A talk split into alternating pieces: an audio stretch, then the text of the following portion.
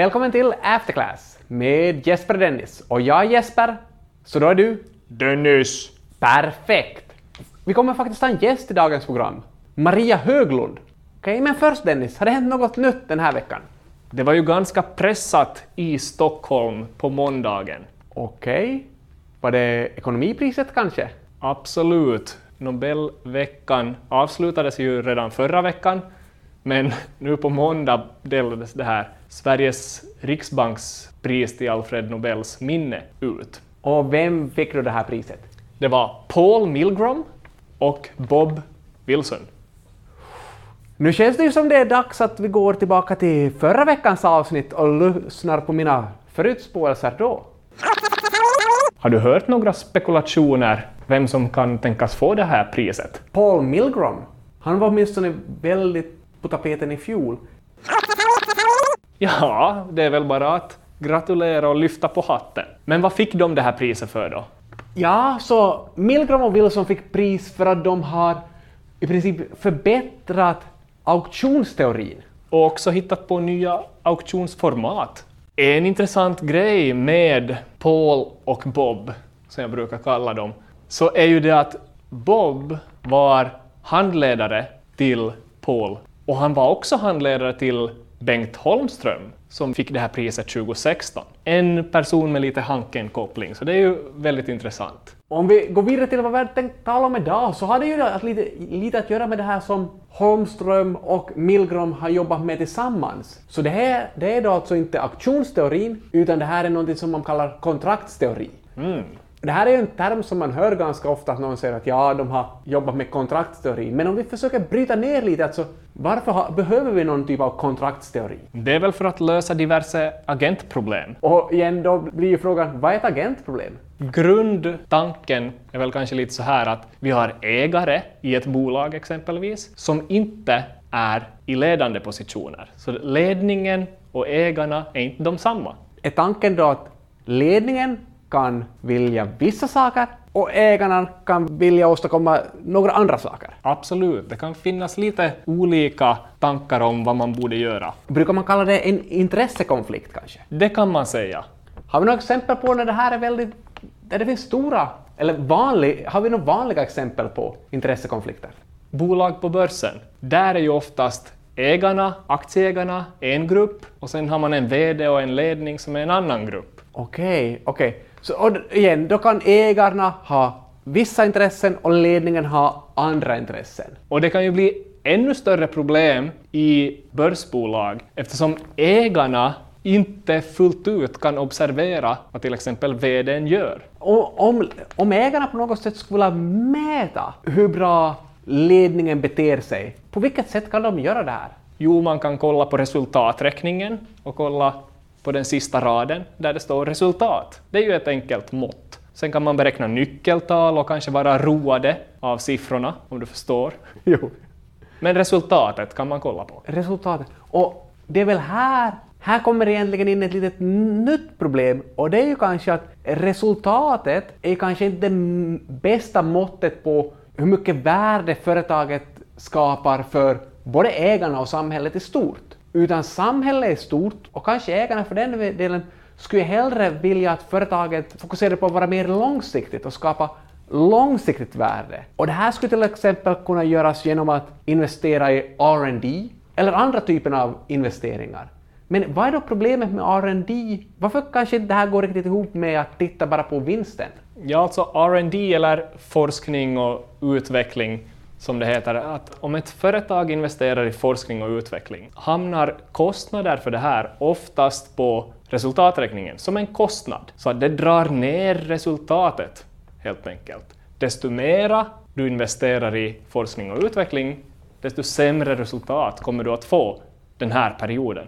Och nyckeln här är väl att det här är egentligen inte dåligt på lång sikt, men det är dåligt för den här periodens resultat. Exakt. Och då kan man ju tänka sig som så att man har en aktiemarknad som vill ha höga resultat nu och ledningen vill att aktiemarknaden ska tycka om dem, så därför vill man presentera resultat som är höga just nu. Men jag vet inte, ser ingen vad vi nu ser? Ja, om helt enkelt man inte förstår att det här skapar problem för börslistade bolag. Så lite statistik som man kan ta upp här är att andelen börslistade bolag har faktiskt minskat över tiden de här senaste 20 åren. Så i Finland hade vi 158 börslistade bolag år 2000, men i början på detta år hade vi 137. Den här trenden ser vi också internationellt. Till exempel att i USA så hade vi 8000 bolag i mitten på 90-talet och nu så har vi bara 4000 bolag, cirka 4000 bolag. Ja, så det ser ut som att antal börslistade bolag minskar över tid. Men vad är egentligen samhällsnyttan med att ha den här börsen överhuvudtaget? Så tanken har varit, varit här att genom att ha en börs så, att, så kan man helt enkelt få in flera ägare till de här olika bolagen. Och när man delar på ägande så sprider man också ut riskerna. Och genom att sprida ut de här riskerna så ska man få ner det här avkastningskravet på kapital eller vad man också kallar kapitalkostnaden. Och då tänker man att okej, okay, om avkastningskravet på kapital är lägre så borde det här, om man följer till exempel en NPV-kalkyl, leda till mer investeringar. Både investeringar i R&D och i anläggningstillgångar och så vidare. Om man tänker att mer investeringar leder till mer patenter, mer innovationer och det här är då det som är bra för samhället. Redan på 1600-talet kom ju det här det första publikt ägda bolaget. Det var det här nederländska Ostindiska kompaniet. Men nu säger vi alltså att kanske det här västerländska kapitalistiska systemets hela det här fotfäste håller på att tappas? Ja, vi ska säga åtminstone så är det inte helt klart att kapitalkostnader minskar om man är börslistad. Åtminstone finns det lite andra, det finns andra saker som påverkar också. För det verkar som att den här kortsiktiga pressen från att vara börslistad faktiskt ökar på den här kapitalkostnaden till viss mån. Och den här kortsiktigheten har man ju också helt klart sett i forskning av till exempel Alexander Ljungqvist med flera vid NYU och sen också i vår egen Hanken-forskning. Så vi publicerade ju en artikel 2018 som hette så här Stock Market Listing Status and Real Earnings Management. Och vad kom vi fram till i den artikeln? Den publicerades i Journal of Accounting and Public Policy, en sån här högklassig topp 10-journal. Och vi ser att börslistade bolag ökar sina resultat genom att minska på forskning och utvecklingskostnader för att nå resultatmål mycket mera än vad privatägda liknande bolag gör. Så det enda som skiljer åt mellan de här två bolagstyperna är att en är börslistad, en är inte börslistad. En pressar upp sitt resultat med hjälp av att skära ner i långsiktiga investeringar. Min fråga här är lite, är det här bra för samhället eller dåligt för samhället? Vi har ju egentligen identifierat här en, en samhällskostnad med börslistade bolag. Ja. Och en intressant aspekt i den här, i den här typen av forskning är att man har också gjort liknande forskning när man jämför företag som rapporterar kvartalsvis, alltså fyra gånger, fyra gånger i året, som många börsbolag gör, och börsbolag som rapporterar halvårsvis, alltså bara två gånger i året. Och där ser man också samma effekt, att företag som rapporterar mer frekvent har lägre R&D, de gör färre capex-investeringar, alltså investeringar till exempel i anläggningstillgångar. Så det här är också en sak som tyder på att desto större den här kortsiktiga pressen är, desto mindre samhällsnytta skapar börslistade företag. Men vi måste komma ihåg att vi kanske inte nu tittar på allting, utan vi tittar ju bara på det här genom investeringar i vårt fall. Yes. Så menar, visst accepterar vi också att det kan finnas andra, andra saker som spelar roll. Forskning är ju oftast just på det här sättet att vi bidrar med små pusselbitar till ett större pussel. Och man kan också fundera, den här forskningen som vi nu hade här, tror du att näringslivet har anat det här någon gång? Man har troligtvis haft en idé att det skulle vara på det här viset. För att svara definitivt på din fråga så tycker jag att vi ringer upp JNTs VD Maria Höglund. Så ska vi byta språk nu eller? Den här gången med den här gästen tror jag inte vi behöver byta språk. Vi kan fortsätta på svenska och jag tror till och med att min Pedersöre-dialekt skulle bli förstådd här.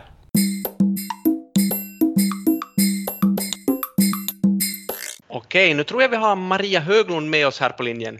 Så före vi börjar prata med Maria så vill jag ändå säga att Alltså det här är en person som jag har haft att göra med tidigare och en person som jag imponerats av många gånger. Och Maria är då VD för JNT. Så Maria, är det på så sätt att du är en Hanken-alumn? Det stämmer. Jo, jag, jag har studerat på Vasahanken på, på 90-talet och blev utexaminerad med redovisning som, som huvudämne då när det i tiderna begav sig. Mycket roligt att höra ordet redovisning där. Du är varmt välkommen till podcasten. Tack, tack.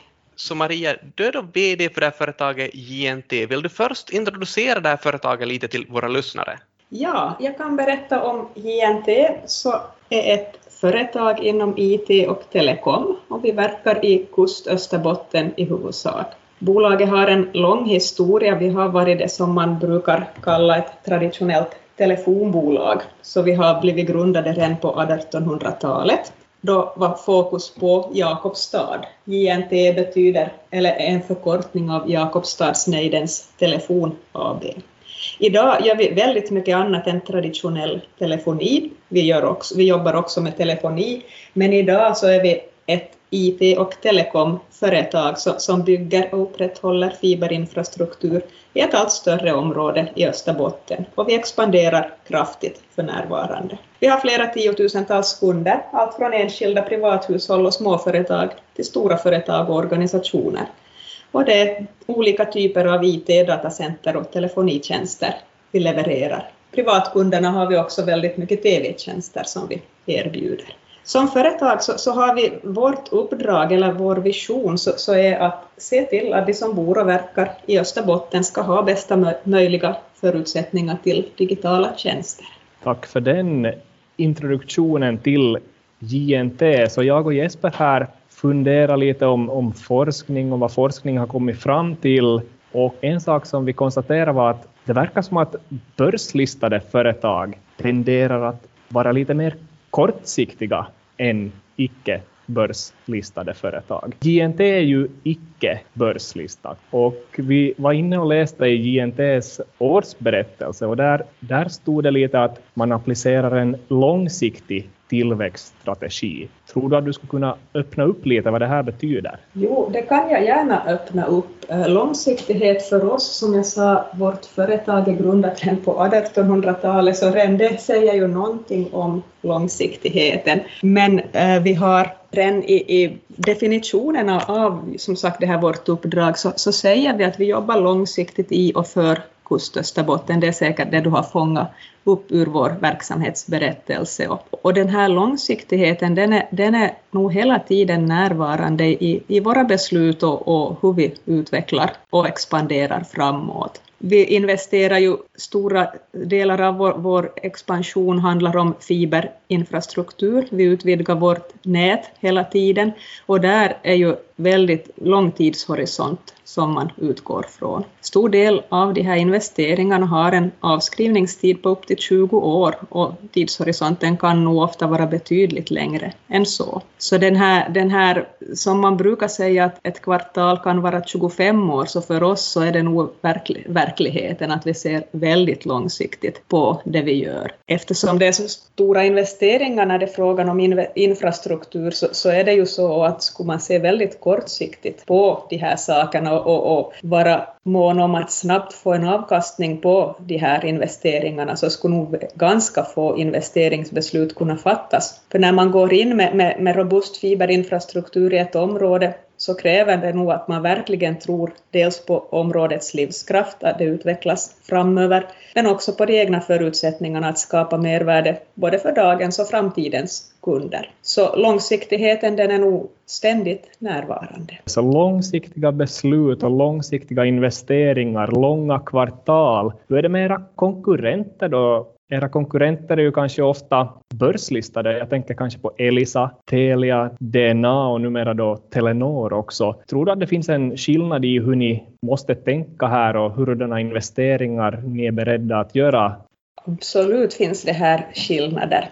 Vi har de här bolagen du nämner, jag känner förstås inte i detalj till hur deras beslutsprocess gällande investeringar ser ut, men, men vi ser ju i praktiken att det, det händer väldigt ofta att vi är beredda att göra investeringar som nationella aktörer inte är beredda att göra. Konkreta exempel är ju som den här fiberinfrastrukturen som vi pratade om redan här tidigare. Och, och, där ser vi helt klart att ett börslistat bolag överlag är främst intresserade av att, att, så att säga plocka russinen ur kakan, att man är beredd att investera där var man med en ganska liten investering når väldigt många potentiella kunder. I praktiken då i större städers centrum. Ett annat exempel så är master för mobilnät. Vi bygger då för egen del mobilmaster på områden där vi ser att de här nationella operatörerna har behov av utbyggnad, endera idag eller att vi ser att framöver så behöver mobiltäckningen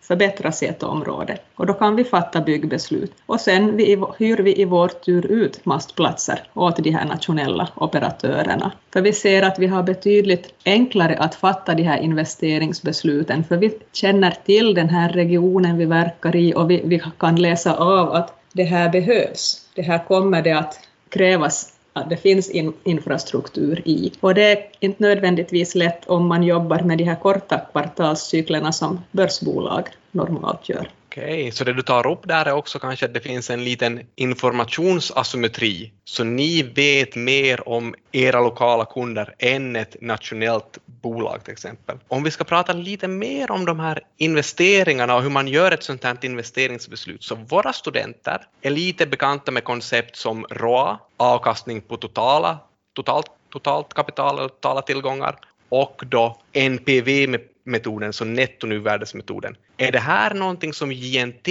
lägger mycket vikt på när ni gör investeringsbeslut eller har ni några andra parametrar i fokus? Vi räknar totalnyttan överlag i våra investeringar. Ser man specifikt på det här avkastning på totaltillgångar, rå, så, så är det en, för vår bransch överlag så är det ju ganska lågt, för det, det är som sagt väldigt investeringsintensiv bransch man behöver investera stor del av den årliga omsättningen tillbaka till verksamheten. NPV ser vi också på i viss mån, men där igen eftersom investeringshorisonten är så lång så finns det väldigt många rörliga parametrar i våra beräkningar. Det finns det förstås för alla som gör investeringar. Skulle man känna till alla fakta så skulle det ju vara för lätt. Sånt finns knappast. Men när vi gör investeringsbeslut så ser vi på ekonomin i projektet enligt den information som finns just då förstås. Men en annan minst lika viktig del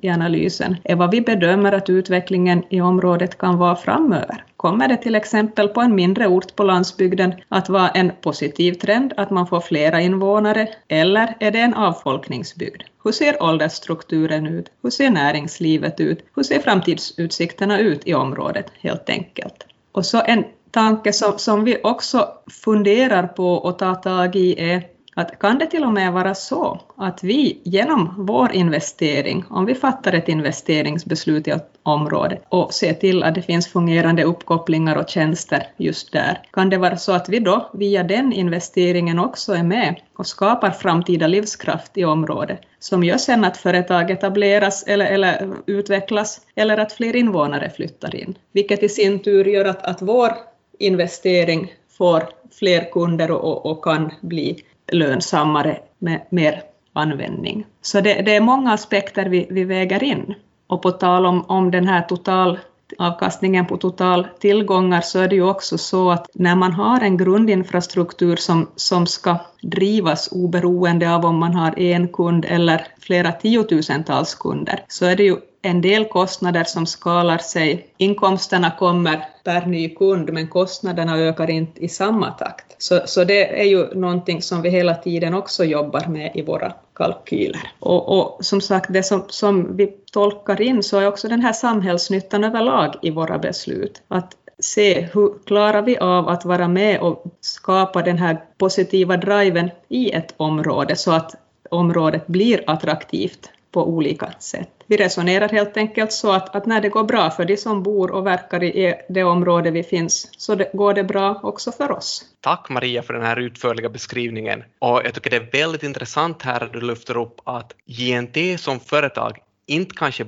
bara jobbar så här klassiskt mot ägarna, utan det handlar om att skapa samhällsnytta i de områden där ni är verksamma. Vi har en, en sista fråga här som jag skulle vilja ställa dig och det är angående långsiktigheten igen. Ibland så läser man att de här långsiktiga strategierna är resistenta mot kriser. Så hur har den här covid-19-krisen påverkat er som bolag?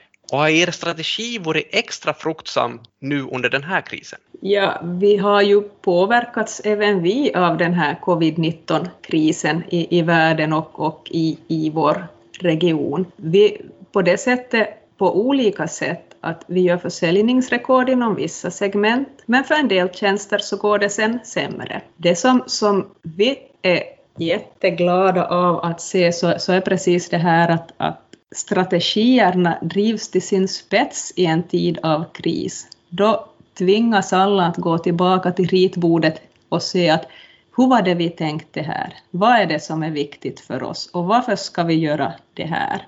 Och det som vi ser så är ju att, att vårt uppdrag så är om möjligt ännu viktigare nu än det normalt är. För i tider när allt mer sköts på distans, både i företag och privat, så är ju fungerande uppkopplingar och tillgång till bra och fungerande service A och O. Ser man specifikt sen också på enskilda strategiska satsningar när man funderar att, att ska man investera till exempel i landsbygden, att hur kan man göra en sån investering så att den är ekonomiskt försvarbar och lönsam. Nu ser vi i dessa tider att allt fler vill söka sig till landsbygden och undvika större städer. Och det är ju sånt som ytterligare stärker vår strategi att bygga ut infrastruktur och göra det möjligt för både företag och privatpersoner att bo och verka även i mindre orter. En personlig reflektion som, som jag har stannat upp inför och så är i tider av kris så kommer den här målmedvetenheten väldigt tydligt fram. Det gäller för oss alla, inte bara för oss på JNT utan säkert alla, att nu vara verkligt målmedvetna och, och jobba framåt och fokusera på det som är möjligt att göra och åstadkomma. Och då kommer man till att den här strategin ska man hålla sig till. Man får en, en sån där test att hur bra är den här strategin? Och förutsatt att man har en bra strategi, så då gäller det att verkligen tro på den och köra och satsa hårt framåt. Ett superintressant svar Maria och ett superstort tack för att du ville medverka i den här podcasten och sprida lite av din kunskap tillbaka till studenterna. Tack för att jag, jag fick vara med och så, så önskar jag både er och studenterna all lycka och välgång framåt. Jag kan bara för egen del hälsa att ni studerar i absolut rätt skola och i rätt bransch. Det finns alla förutsättningar att, att göra mycket intressant framåt med den bakgrunden.